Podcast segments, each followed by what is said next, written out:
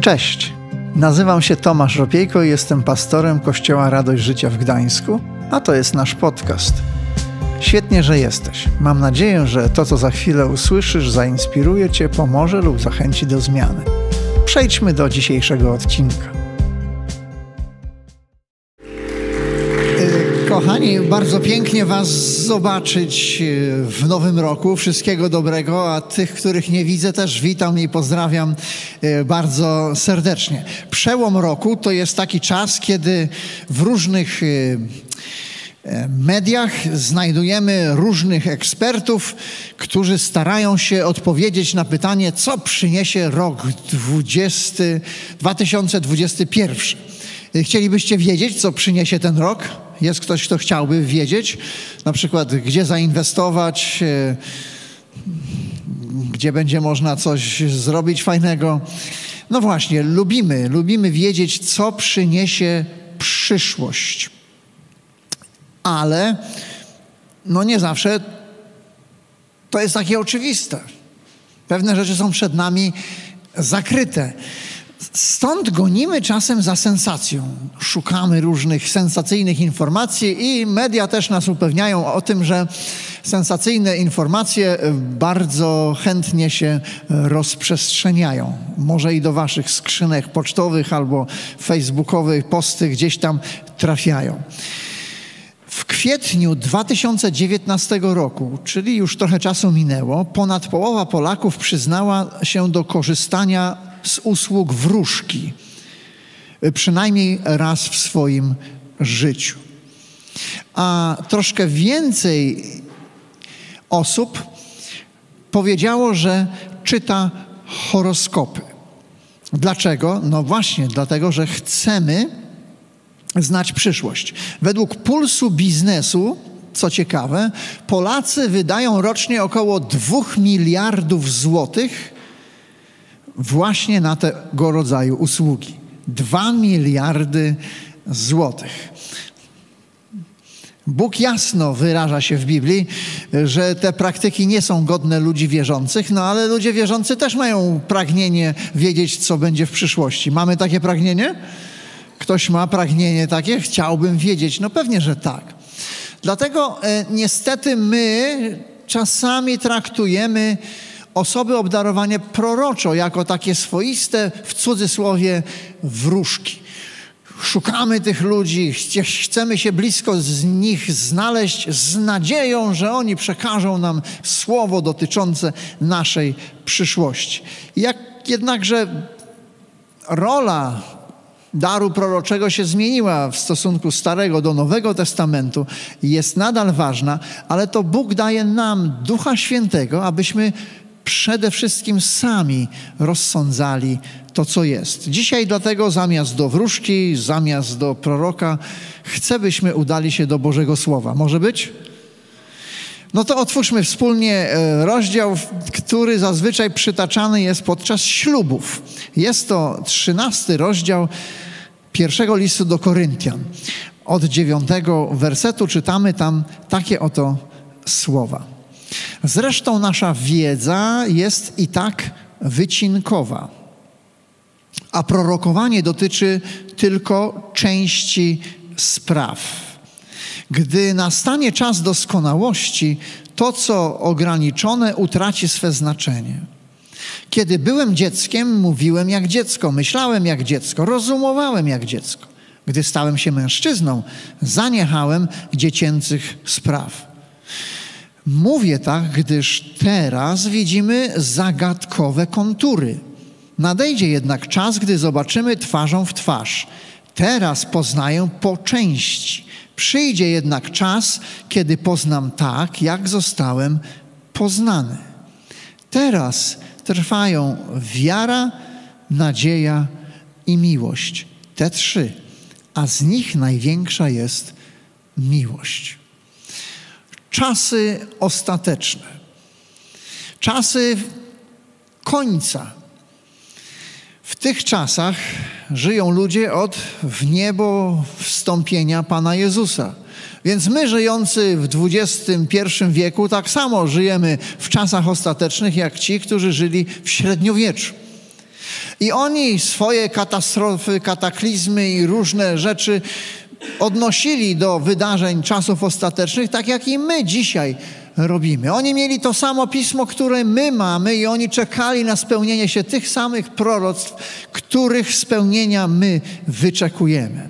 Apostoł Paweł w tekście przez nas przeczytanym jednak uświadamia nam, że nasze spoglądanie w przyszłość jest ograniczone. Na dzień dzisiejszy, jak powiada werset dziewiąty, nasza wiedza jest wycinkowa. A dwunasty werset powiadał, że teraz widzimy zagadkowe kontury. Teraz poznajemy rzeczy po części, nie wszystko. Tam jest użyty taki zwrot, że patrzymy na odbicie jakby w lustrze.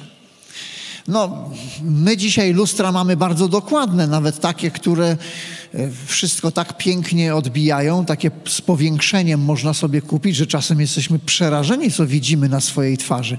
Nie wiem, czy ktoś z Was doświadczył czegoś takiego, ale takie rzeczy się zdarzają. Wówczas jednak lustro to był wypolerowany metal który coś odbijał, ale nie odbijał tego tak rzeczywiście, jak to wyglądało. Więc dla nas moglibyśmy powiedzieć obrazem jest nie tyle słowo lustro, co może bardziej taka szyba ornamentowa, przez którą gdy się patrzy, widzi się rzeczywiście kontury. Widzimy, że ktoś tam jest w pokoju, ktoś jest po drugiej stronie, ale nie wiemy kto.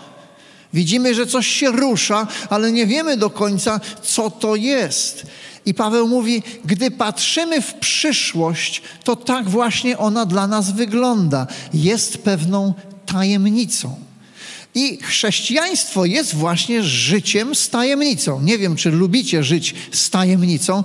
Ja podejrzewam, jeśli jesteście do mnie podobni, że wolałbym, żebyśmy nie mieli żadnych tajemnic, że wszystko było kawa na ławę, wiadomo co, jak jest i człowiek będzie spokojny. Też tak macie, czy, czy niekoniecznie? Lubicie tajemnice. No. Co wiemy odnośnie przyszłości? Bo to nie jest tak, że niczego nie wiemy. Gdy myślimy o tych czasach ostatecznych, o czasach, które mają być a, już czasami końca i wydarzenia, które mają się tam wydarzyć, pewnych rzeczy jesteśmy pewni. Czy tak? Jesteśmy pewni choćby tego, że Bóg nad wszystkim trzyma kontrolę. Jesteśmy tego pewni, czy nie? Jesteśmy tego pewni. Uff, teraz można odetchnąć. Po drugie, jesteśmy pewni tego, że Pan Jezus powróci. Możemy być tego pewni, czy nie? Tak, jesteśmy pewni. Pan Jezus sam o tym powiedział, mówili o tym apostołowie, nawet aniołowie powiedzieli uczniom, że Pan Jezus powróci. Okej. Okay. Wiemy też na pewno, że nastaną trudne czasy. Ktoś zauważył, że może ostatnio też nastały jakieś trudniejsze czasy. Nastaną trudne czasy ale takie czasy, jakich jeszcze nigdy nie było. No i podejrzewam, że każdy, który natrafia na trudne czasy, mówi: Oj, takich to jeszcze nie było. No. Biblia używa terminu wielki ucisk, czyli momentu, w którym rzeczywiście będzie niezmiernie trudno, szczególnie ludziom wierzącym. Tego możemy być pewni. Możemy być pewni też tego, że na jakiś określony czas przeciwnicy Boga obejmą władzę nad tym światem. I tu pojawia się słowo antychryst. Antychryst, co znaczy przeciwnik Chrystusa, ten, który jest jemu przeciwny. Któż to jest? Nie jeden chciałby wiedzieć. I niektórzy nawet już różne nazwiska podawali. Ci ludzie umierali, no i jest jak jest. W ostatecznym rozrachunku też wiemy na pewno, że Chrystus będzie panował wiecznie i zwycięsko. Wiemy to na pewno? Możemy powiedzieć po sportowemu, wiemy, że na koniec nasi wygrają. Wiemy, że na tablicy końcowej więcej, więcej punktów po naszej stronie niż po stronie przeciwników. Możemy być tego pewni? Tak jest, możemy. No właśnie. Ale czego nie jesteśmy pewni, a co chcielibyśmy wiedzieć? A, no właśnie. Chcielibyśmy wiedzieć, kiedy się skończy ta pandemia wreszcie. Ktoś chciałby wiedzieć? No właśnie. Chcielibyśmy wiedzieć, kiedy ten Pan Jezus przyjdzie. Czy jest ktoś, kto nie chciałby wiedzieć? I chcielibyśmy wiedzieć, gdzie on przyjdzie, jak on przyjdzie, jak to wszystko będzie wyglądało, co będzie dokładnie po czym. Chcielibyśmy wiedzieć o tych jeźdźcach może z Apokalipsy, co oni za jedni, czy oni już byli, czy oni jeszcze przyjadą, czy, czy to, co jest tam opisane w tej objawieniu świętego Jana, to się rzeczywiście wydarzy. A jak to wszystko rozumieć? Chcielibyśmy wiele różnych rzeczy wiedzieć, czy nie? Chcielibyśmy. No ale do końca tego nie wiemy. Pytań jest cała masa. Dlatego zachęcam do studiowania tych zagadnień, do czytania Biblii, do analizowania wszystkiego. I gdy to zrobimy, okaże się, że zetkniemy się z faktem, że ludzie szczerze miłujący Pana Jezusa mają różne spojrzenia na te sprawy. Że nie wszyscy są w szczegółach zgodni, ale to nie jest najważniejsze. Najważniejsze jest to, czego możemy być pewni. A my w styczniowym naszym cyklu chcemy poruszyć niektóre z tych kwestii i mamy nadzieję, że niektóre z nich wyjaśnimy, a nie bardziej zagmatwamy. Przyjdzie jednak taki czas, napisał nam Paweł, że wszystko będzie jasne, że poznamy tak, jak jesteśmy poznani, że zobaczymy twarzą w twarz. Przyjdzie taki dzień, kiedy wszyscy, którzy umiłowali Jezusa, znajdą się przed Jego tronem, przed Bożym tronem, z każdego narodu, z każdego języka i będą tam niezliczone tłumy. To dobra wiadomość? Ale póki co, Paweł daje nam do zrozumienia, kochani, pozostaje Wam wiara, nadzieja i miłość. I myślę, że to są trzy dobre słowa też dla naszego kościoła i dla kościoła w ogóle na ten czas, w jakim żyjemy, abyśmy na przyszłość i na ten rok patrzyli właśnie przez pryzmat tych trzech. Życie chrześcijańskie jest życiem wiary. Zgodzimy się z tym? Tak? Tak, zgadzamy się z tym. Czy wy tam na streamie też się zgadzacie? Napiszcie, czy się zgadzacie w komentarzach swoich. Jest taka możliwość. Życie chrześcijańskie jest życiem wiary. Wszystko, co w wymiarze duchowym przyjmujemy, przyjmujemy przez wiarę. Przyjmujemy przez wiarę zbawienie, przyjmujemy przez wiarę uzdrowienie, przez wiarę prorokujemy, przez wiarę interpretujemy proroctwa, przez wiarę oczekujemy rzeczy dla nas, ludzi niemożliwych i niesamowitych. Czy tak? Przez wiarę i przez wiarę i przez wiarę, bo bez wiary nie można się Bogu podobać. A powinniśmy wiedzieć, że Bóg nagradza tych, których serca są pełne wiary. A czymże jest ta wiara? Wiara jest niczym innym jak zaufaniem, że całkowicie ufamy Bogu. Jak śpiewaliśmy, poddaję Ci cały mój świat. Cali poddajemy się Bogu i ufamy Mu, że On się o nas będzie troszczył. Jesteśmy ludźmi wiary. I wiara przydaje nam pewności w działaniu w odniesieniu do tego, czego się spodziewamy. Wiara wypełnia nasze kontury. To, czego nie widzimy, to, czego nie rozumiemy, to przez wiarę przyjmujemy, że tak właśnie jest, chociaż jeszcze tego może nie widzimy. Jak kiedyś Noe miał budować arkę, ale przecież gdzie jest deszcz? Po co budować arkę? Nie wiedział, kiedy przyjdzie deszcz.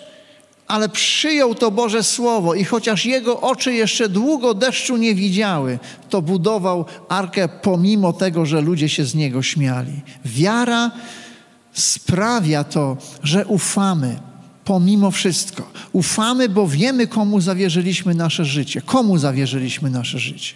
Stwórcy wszechświata zawierzyliśmy nasze życie. Zawierzyliśmy życie Bogu, który z miłości do nas posłał swojego Syna jednorodzonego. Przyszedł Jezus, który cierpiał dla naszego zbawienia i dlatego teraz potrafi nam współczuć, gdy my przechodzimy trudne rzeczy, może nawet związane z tą pandemią. On potrafi nam współczuć, bo wie, czym jest cierpienie, wie, czym jest ból, wie, czym jest zdrada, wie o wielu różnych rzeczach, z którymi my się zmagamy. I chociaż dzisiaj widzimy tylko kontury, widzimy jak przez tą szybę ornamentową, to nasze serca są spokojne. Nie musimy się bać. Nie musimy się bać żadnych sensacyjnych plotek, sensacyjnych wieści, które nawet niestety, ze smutkiem to mówię, ludzie wierzący rozsyłają, jakieś spiskowe, dziwne teorie wysnuwają i tylko zasiewają strach i lęk do życia ludzi. Nie musimy się bać, bo wiemy, że Bóg wszystko trzyma w swoim ręku. Nawet ci, którzy kwestionują wartość chrześcijańskiej wiary, mają całą masę naukowych pytań, na które nie potrafią udzielić odpowiedzi.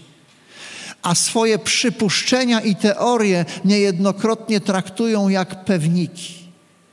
Ale one przecież pewnikami wciąż nie są. My, kochani, potrzebujemy być ludźmi wiary, potrzebujemy być kościołem wiary, szczególnie w tych trudnych okolicznościach, w których strach i panika zyskują coraz bardziej na popularności. Jan Ewangelista napisał pod koniec swojej Ewangelii takie oto słowa, 20 rozdział, 30 werset. Warto je sobie zapisać, zapamiętać. Wiele też innych znaków dokonał Jezus wobec swoich uczniów. Nie zostały one opisane w tej księdze. Te natomiast zostały opisane po to, abyście abyście wierzyli. A w co mamy wierzyć? Wierzyli, że Jezus jest Chrystusem, czyli tym Mesjaszem, który przez setki lat był zapowiadany, aż w końcu przyszedł, że to On jest Synem Boga Najwyższego i abyście wierząc mieli życie w Jego imieniu. Po to to wszystko zostało napisane, kochani, żebyśmy mieli serca pełne wiary i byśmy mogli żyć pełnią życia. Ale Biblia powstała nie tylko po to. Powstała w jeszcze jednym celu, czy Wiele tych celów jest, a ja chcę zwrócić uwagę na konkretny związany z naszym tekstem. Rzymian 15:4. Cokolwiek zaś wcześniej napisano, ma służyć naszemu pouczeniu, abyśmy dzięki wytrwałości i pociesze, których źródłem są pisma, trwali przy czym? Przy nadziei. Czy Twoje serce dzisiaj jest pełne nadziei? To dobre pytanie. Po to Bóg dał nam pisma, byśmy wypełniając nimi nasze serca, mogli być ludźmi nadziei. Zresztą takie słowa Bóg skierował do swojego ludu, który ze względu na nieposłuszeństwo znalazł się w niewoli, daleko od swojego domu. W Jeremiasza 29:11 czytamy: Ja wiem, jakie wiąże z wami plany, oświadcza Pan. To plany o pokoju, a nie o niedoli. No zaraz, zaraz. Może pamiętamy Gedeona, jak przywitał go anioł i mówi: Bóg z tobą, mężu waleczny. On mówi: zaraz, zaraz.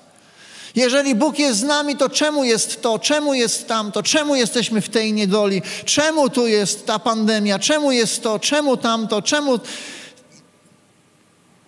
A Bóg mówi: Ja wiem, jakie wiąże z wami plany, oświadcza Pan. To plany o pokoju, a nie o niedoli.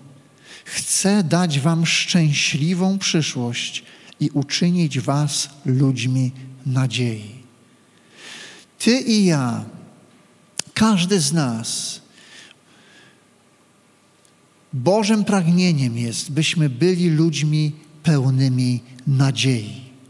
I jakże to jest ważne dzisiaj żebyśmy jako naśladowcy Jezusa, jako Kościół Jezusa Chrystusa byli ludźmi pełnymi nadziei, którzy niosą innym tę nadzieję.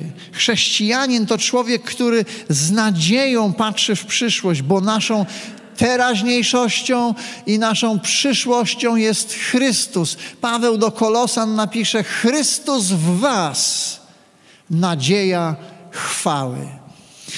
Dlatego my jako chrześcijanie pełni nadziei oczekujemy, bo chrześcijańska nadzieja nie jest tak, jak my kolokwialnie często mówimy. No mam nadzieję, że mi się to uda załatwić w urzędzie, no bo teraz wiesz jak jest. Nie? Albo mam nadzieję, że tamto i tamto. Mam nadzieję, że ta pandemia się szybko skończy. Mam nadzieję, mówimy tak kolokwialnie, mam nadzieję na to takie troszkę czasami to jest życzeniowe mówienie, życzeniowe myślenie, ale nie tym jest chrześcijańska nadzieja. Chrześcijańska nadzieja to jest pewne oczekiwanie na coś, co ma przyjść, a co jeszcze się nie wydarzyło. To tak jakbyś miał datę swojego ślubu wyznaczoną i czekasz, aż przyjdzie właśnie ten dzień i czekasz i odliczasz te dni, i odliczasz te dni i czekasz, aż w końcu ten dzień przyjdzie. I tak też jest w naszych sercach. Oczekujemy różnych rzeczy, które Bóg nam obiecał, ale one się nie dzieją. Za chwilę do tej myśli wrócimy. Chrześcijańska nadzieja to jest pewne oczekiwania. Czego my oczekujemy? Czego my, chrześcijanie, oczekujemy? Oczekujemy tego, że wróci Chrystus. Tak? Ktoś oczekuje tego? Oczekujemy tego, że będziemy podobni do Niego. Oczekujemy wraz ze stworzeniem na wykupienie. Oczekujemy objawienia się pełni chwały Bożej. Oczekujemy zwycięstwa dokumentnego, które zostanie w pełni objawione w Jezusie Chrystusie. Oczekujemy zmartwychwstania zmarłych, oczekujemy wielu różnych rzeczy, o których mówi Biblia. I to jest przedmiotem naszej chrześcijańskiej nadziei. Ona jest oparta nie na naszym widzimisię, ale na obietnicach, które Bóg zostawił nam w swoim słowie. Nasza nadzieja to jest troszkę jak oczekiwanie takie z wypiekami na coś pięknego, na coś niezwykłego, co ma się wydarzyć i, i nie możemy się doczekać, że to przyjdzie. No właśnie. Ale nie zawsze jest łatwo. I chciałbym powiedzieć, że wiara i, wiara i nadzieja są ze sobą blisko spokrewnione. List do Hebrajczyków 11:1 zawiera takie słowa: Wiara jest podstawą spełnienia się tego wszystkiego, co jest treścią nadziei. Wiara jest podstawą spełnienia się tego wszystkiego, co jest treścią nadziei. Pomyślmy teraz. Jeżeli Bóg w Twoim sercu wzbudził nadzieję na coś konkretnego, to Twoja wiara pomoże Ci do tego miejsca dojść.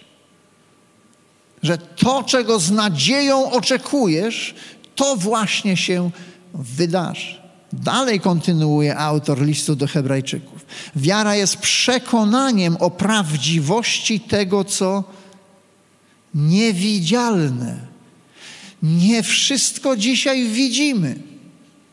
Pan Jezus kiedyś do trędowatych powiedział: idźcie i złóżcie ofiarę za wasze oczyszczenie, że zostaliście uzdrowieni, ale oni patrzą, jeszcze są chorzy. Ruszyli w drogę i w drodze zostali uzdrowieni, ale najpierw musieli zrobić krok, chociaż nie wiedzieli, nie widzieli, że to rzeczywiście już się dzieje. Jeżeli Bóg wzbudził w nas coś, to On ma moc też to dopełnić. Ale teraz powiedzmy sobie szczerze, po drodze niejednokrotnie nasza wiara i nadzieja są testowane. Czy ktoś powie, że tak jest? U Was też tak jest, czy tylko jestem sam nasza wiara i nadzieja będą testowane. Będą takie dni, kiedy będziemy chcieli wszystko rzucić, kiedy będziemy się zastanawiać, czy tak rzeczywiście jest, czy warto na to czekać. Przecież tyle się o to modlę, tyle o to zabiegam i nic.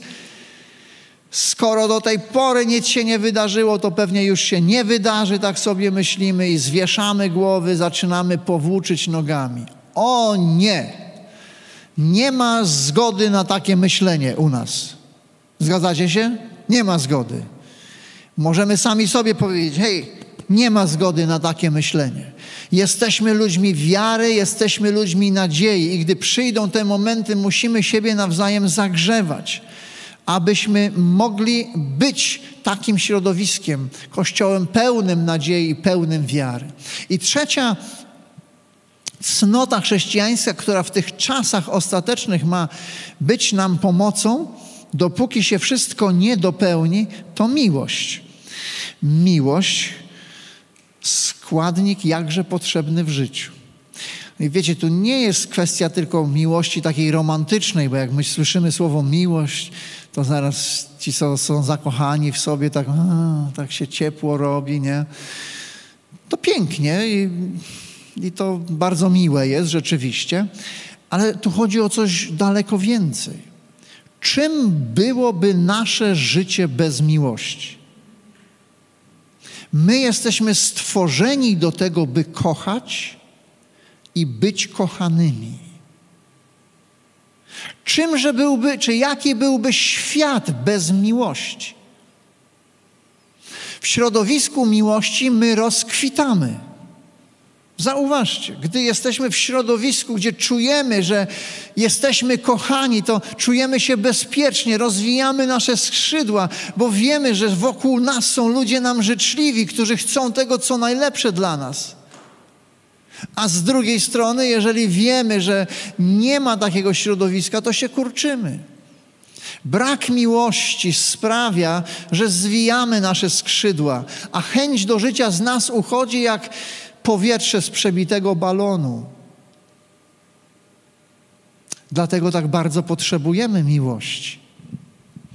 I dlatego chyba też tyle o miłości pisał ewangelista Jan. Pierwszy list jego, czwarty rozdział. Przeczytajmy słowa od szesnastego wersetu. Pozwólmy, żeby te słowa głęboko weszły do naszych serc, bo one nasze serca i nasze życie potrafią zrewolucjonizować. Jan pisze tak. I my poznaliśmy tę miłość, którą darzy nas Bóg. O tym pierwszym, o tym samym zdaniu można by długo mówić. Paweł napisze do Efezjan, że poznanie miłości Chrystusowej przewyższa każde inne poznanie. Czyli jeżeli człowiek prawdziwie pozna miłość Bożą, to choćby niczego innego nie poznał, to jego życie będzie niezwykle przemienione i niezwykle wypełnione. I Jan pisze, myśmy poznali tę miłość, którą darzy nas Bóg i zaufaliśmy jej. Bóg jest miłością. Kto trwa w miłości, trwa w Bogu, a Bóg w nim. W tym właśnie miłość osiągnęła względem nas doskonałość. Dzięki temu możemy ufnie i z odwagą wystąpić w dniu, jakim dniu? W dniu sądu. Możemy ufnie, czyli nie musimy się bać. Mówimy o czasach ostatecznych. Czy przyjdzie sąd? Oczywiście przyjdzie sąd. Każdy z nas stanie, aby rozliczyć się ze swojego życia. Ale chrześcijanin się nie musi bać żadnego sądu. Bo na tym sądzie nie będę zdradzał, co się wydarzy, o tym będziemy mówić później. Ale chrześcijanin jest człowiekiem, który się nie musi obawiać Boga, niczego z jego strony. I to jest dobry test dla Twojego i mojego życia. Jeżeli się obawiasz Boga, jeżeli żyjesz w takim poczuciu, że Bóg jest ciągle niezadowolony z Ciebie i żyjesz z poczuciem winy, to obawiam się, że jest jeszcze dużo miejsca w Twoim sercu do poznania Jego miłości. Doskonała miłość usuwa lęk. Lęk bowiem łączy się z czym? Z karą. Boimy się czegoś. Ale Boga się nie musimy w tym sensie bać. Oczywiście chcemy być ludźmi pełnymi szacunku dla Niego, ale to nie jest to samo, co obawa przed Nim. Nasza miłość bierze się stąd, że On pierwszy nas nią obdarzył, werset 19. Werset 20. Kto twierdzi, że kocha Boga, a jednocześnie nienawidzi swego brata, kłamie, bo kto nie kocha brata, którego widzi, nie może kochać Boga, którego nie widzi, nie zobaczył. Mamy też od Niego przekaz przekazanie, aby ten, kto kocha Boga, kochał też swojego brata. Miłość, przyjęcie miłości Bożej sprawia, że uczymy się kochać ludzi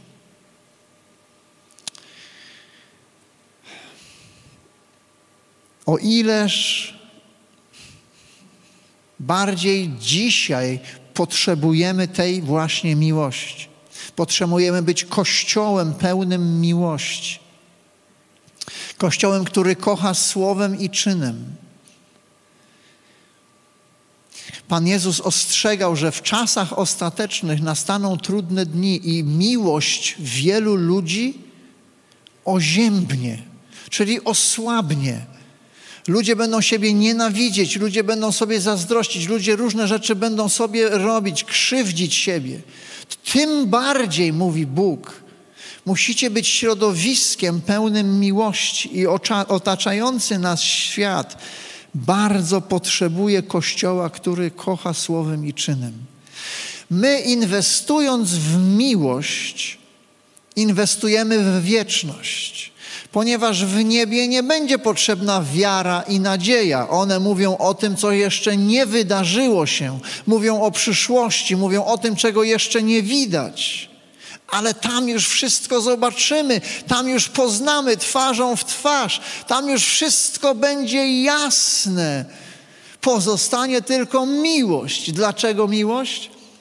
Bo Bóg jest miłością i On będzie wszystko we wszystkim wypełniał. Dlatego my, jako Kościół, jako radość życia, musimy być środowiskiem ludzi pełnych miłości dla siebie nawzajem, ale też otaczającego nas świata. Musimy kochać słowem, dobrze mówić o sobie i do siebie, ale też i czynem. Staramy się to robić. Pewnie nie jesteśmy doskonali, ale cieszymy się, że możemy być błogosławieństwem dla innych. Zbierając fundusze dla Sandry podczas kolędowego widowiska, rozwożąc obiady, wspierając ludzi, robiąc zakupy podczas pandemii. Różne rzeczy w praktyczny sposób możemy robić i każdy z nas może się zastanowić, patrząc na swoich sąsiadów i swoje środowisko, co możemy zrobić, aby okazać innym miłość okazać troskę, zainteresowanie, pomoc, szukać wzajemnych relacji. Mówimy, że Kościół to relacje. Dzisiaj mamy te relacje utrudnione, nie możemy tutaj wszyscy być. Ale możemy, zgodnie z prawem i wytycznymi Ministerstwa Zdrowia, w domu swoim mieć więcej niż mieszkańcy pięć osób. Więc jeżeli oglądasz teraz to nabożeństwo sam albo może ze swoją rodziną, pomyśl, może warto zaprosić do siebie kogoś na wspólne oglądanie nabożeństwa. Można zjeść wspólnie śniadanie niedzielne, można się o siebie pomodlić po nabożeństwie, można spędzić chwilkę i pojechać do swoich spraw. Musimy szukać możliwości, żeby wyrażać tę miłość jedni drugim. W czasach ostatecznych nie wszystko będziemy wiedzieć, dlatego żyjemy z tajemnicą. Ale możemy być spokojni, bo Bóg jest naszą przyszłością. Teraz mamy do dyspozycji wiarę, nadzieję i miłość. I na koniec jeszcze chciałbym o czymś powiedzieć, bo przełom roku to taki czas, kiedy myślimy dużo o przyszłości, co ten rok przyniesie i tak dalej. I możemy zadać sobie zawsze dobrze kilka pytań. Bo wiara i nadzieja mówią o tym, czego nie widać, czego się spodziewamy. A czego ty się spodziewasz w tym nowym roku? Czego oczekujesz? Na co masz nadzieję w 2021 roku? Mateusz wcześniej mówił, że początek roku to dobry czas na zmiany. Ja się z tym całkowicie zgadzam. To zawsze dobry czas, by na nowo, na świeżo spojrzeć na swoje życie. I gdy ja myślę na przykład o naszym kościele, to mam pewnych, pewnych rzeczy trochę, których się spodziewam, których oczekuję, na które mam nadzieję i w które wierzę. Wierzę i oczekuję, że w tym roku wbijemy łopatę pod nasz nowy dom. Wierzę i oczekuję, że uda nam się umocnić te życiodajne połączenia, czyli nasze relacje, między innymi poprzez zwiększenie ilości małych grup i mam nadzieję, że tych także, którzy w nich uczestniczą. Mam nadzieję na to, że uda nam się dotrzeć do coraz to większej rzeszy ludzi z Ewangelią. Tutaj w Trójmieście, ale też i wszędzie tam, gdzie stream dociera, a on ma bardzo dalekie zasięgi. Kochani, wierzę w to i mam nadzieję na to, że nasz Kościół będzie jeszcze wielkim, większym błogosławieństwem dla tego miasta. Już wstępnie jestem umówiony na rozmowy w tym właśnie celu. Mam też różne osobiste oczekiwania, swoje osobiste cele. Ale nie będę o nich mówił, bo to nie o to, myślę, chodzi. Rok 2020 utwierdził nas w tym, że na pewne rzeczy nie mamy wpływu. Zgodzicie się z tym? My sobie poplanowaliśmy różne rzeczy, a życie je zweryfikowało. Ale czy to znaczy, że nic nie możemy zrobić? Nie, z drugiej strony dalej są rzeczy, na które ty i ja, tylko my mamy wpływ, nikt inny. Zależą one tylko i wyłącznie od nas. Ja chcę powiedzieć króciutko o dwóch. Po pierwsze, chcę powiedzieć o naszym nastawieniu.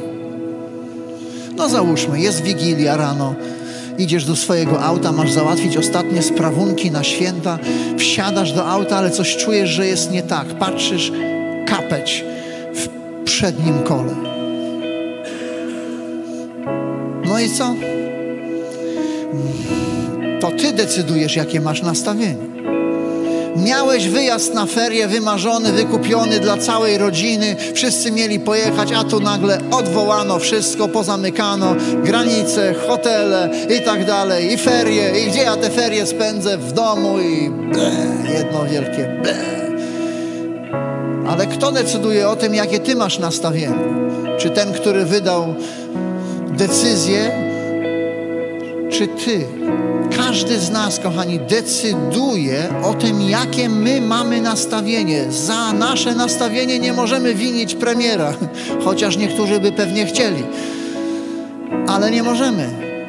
To my decydujemy o tym, czy będziemy narzekać, czy będziemy mieli serce pełne wdzięczności. To my decydujemy, czy będziemy koncentrować się na problemach, czy będziemy się koncentrować na rozwiązaniach. To każdy z nas podejmuje tę decyzję to Ty decydujesz, czy będziesz narzekać, czy nie. Nasze życie podąża za tym, o czym najsilniej myślimy. Więc zadaj sobie pytanie, dokąd prowadzą Ciebie Twoje myśli? Bo kto jest odpowiedzialny za Twoje myśli? Premier? Pastor? Twoja żona? Twój mąż, Twój tata, Twoja mama, Twój brat. Wszyscy dobrze wiemy, że to my sami odpowiadamy za to, dokąd idą nasze myśli. A drugą rzeczą bardzo praktyczną to jest nasze działanie. W ostatecznym rozrachunku to tylko my decydujemy o tym, co zrobimy, a co nie. Oczywiście powiesz, pewnych rzeczy nie możemy dzisiaj zrobić. Nie możemy pewnych rzeczy zrobić, ale czy to znaczy, że nic nie możemy zrobić?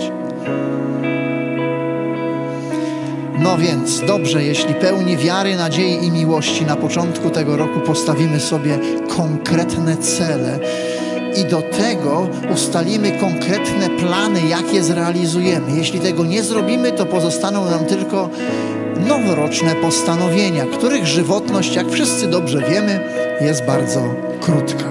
List do Efezjan, piąty rozdział, 17 werset, 15 do 17 wersetu. Zwracajcie zatem uwagę na własne postępowanie. Na czyje postępowanie?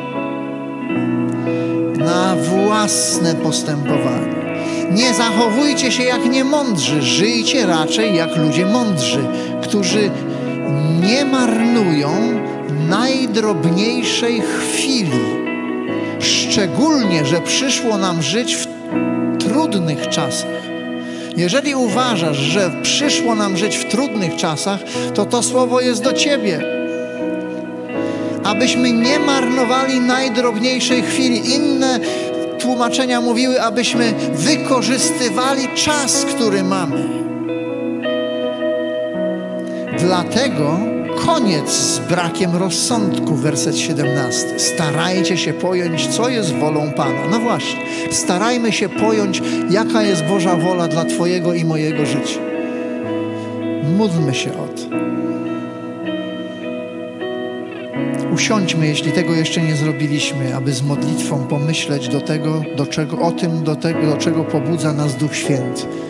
W różnych najważniejszych sferach naszego, życia, naszej relacji z Bogiem, relacji rodzinnych, przyjaźni, życia zawodowego, nauki, zdrowia, finansów, zaangażowania w służbę.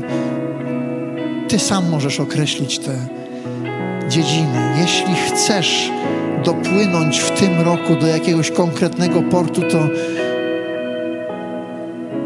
dryfowanie tego nie załatwi. Jeżeli chcemy być środowiskiem pełnym wiary, miłości i nadziei, to się samo nie stanie. To musimy coś z tym zrobić, konkretnego. Jeżeli chcemy być przygotowani na rzeczy przyszłe, to musimy, musimy żyć intencjonalnie, świadomie, wiedzieć, dokąd Bóg nas prowadzi. Pierwszy krok, jaki możemy zrobić, jeśli go nie zrobiliśmy, to oddać swoje życie Bogu. Jeśli tego nie zrobiłeś, zachęcam Ciebie do tego serdecznie. A kolejnym to inwestycja w osobistą relację z Bogiem, w świadome życie z Nim każdego dnia, oddawanie Mu swojego świata. Zachęcam do tego serdecznie, by usiąść rzeczywiście przed Bogiem na spokojnie, otworzyć notatnik, spisać sobie pewne myśli, abyśmy mogli świadomie żyć i wypełniać to powołanie, które Bóg ma dla każdego z nas. Powstańmy do modlitwy. Zawołajmy wspólnie. Panie nasz, dziękujemy Ci za to, że nie musimy się bać, nie musimy się lękać, chociaż nie wszystko dla nas jest jasne, chociaż są pewne tajemnice, z którymi przychodzi nam żyć. Nie na wszystkie pytania znamy odpowiedzi. To dziękujemy Ci, że Ty jesteś spolegliwym Bogiem, godnym zaufania, godnym tego, aby oczekiwać spełnienia Twoich obietnic. Dlatego prosimy Ciebie, Panie, Daj nam odwagę marzyć z Tobą. Daj nam odwagę mieć serca pełne wiary, oczekiwania tego, co tylko Ty potrafisz zrobić w naszym życiu. Daj nam serca pełne nadziei, tego pewnego oczekiwania na to, co Ty obiecałeś. I naucz nas, prosimy, kochać Ciebie całym naszym sercem. Naucz nas, Panie, kochać siebie nawzajem. Naucz nas w praktyczny sposób kochać z ludzi, z którymi gdzieś tam nasze ścieżki życia się krzyżują. Naszych sąsiadów, naszych bliskich w pracy, gdziekolwiek jesteśmy, Panie. Daj nam, Panie, i naucz nas żyć z tajemnicą, wiedząc, że Ty jesteś ponad wszystkim. Modlimy się, Panie, o ten rok. Niech to będzie rok, w którym uczynisz piękne rzeczy w naszym życiu i przez nasze życie, abyśmy mogli być Kościołem według Twojego serca. Zaśpiewajmy Bogu na chwałę, kochani. Uwielbijmy Go.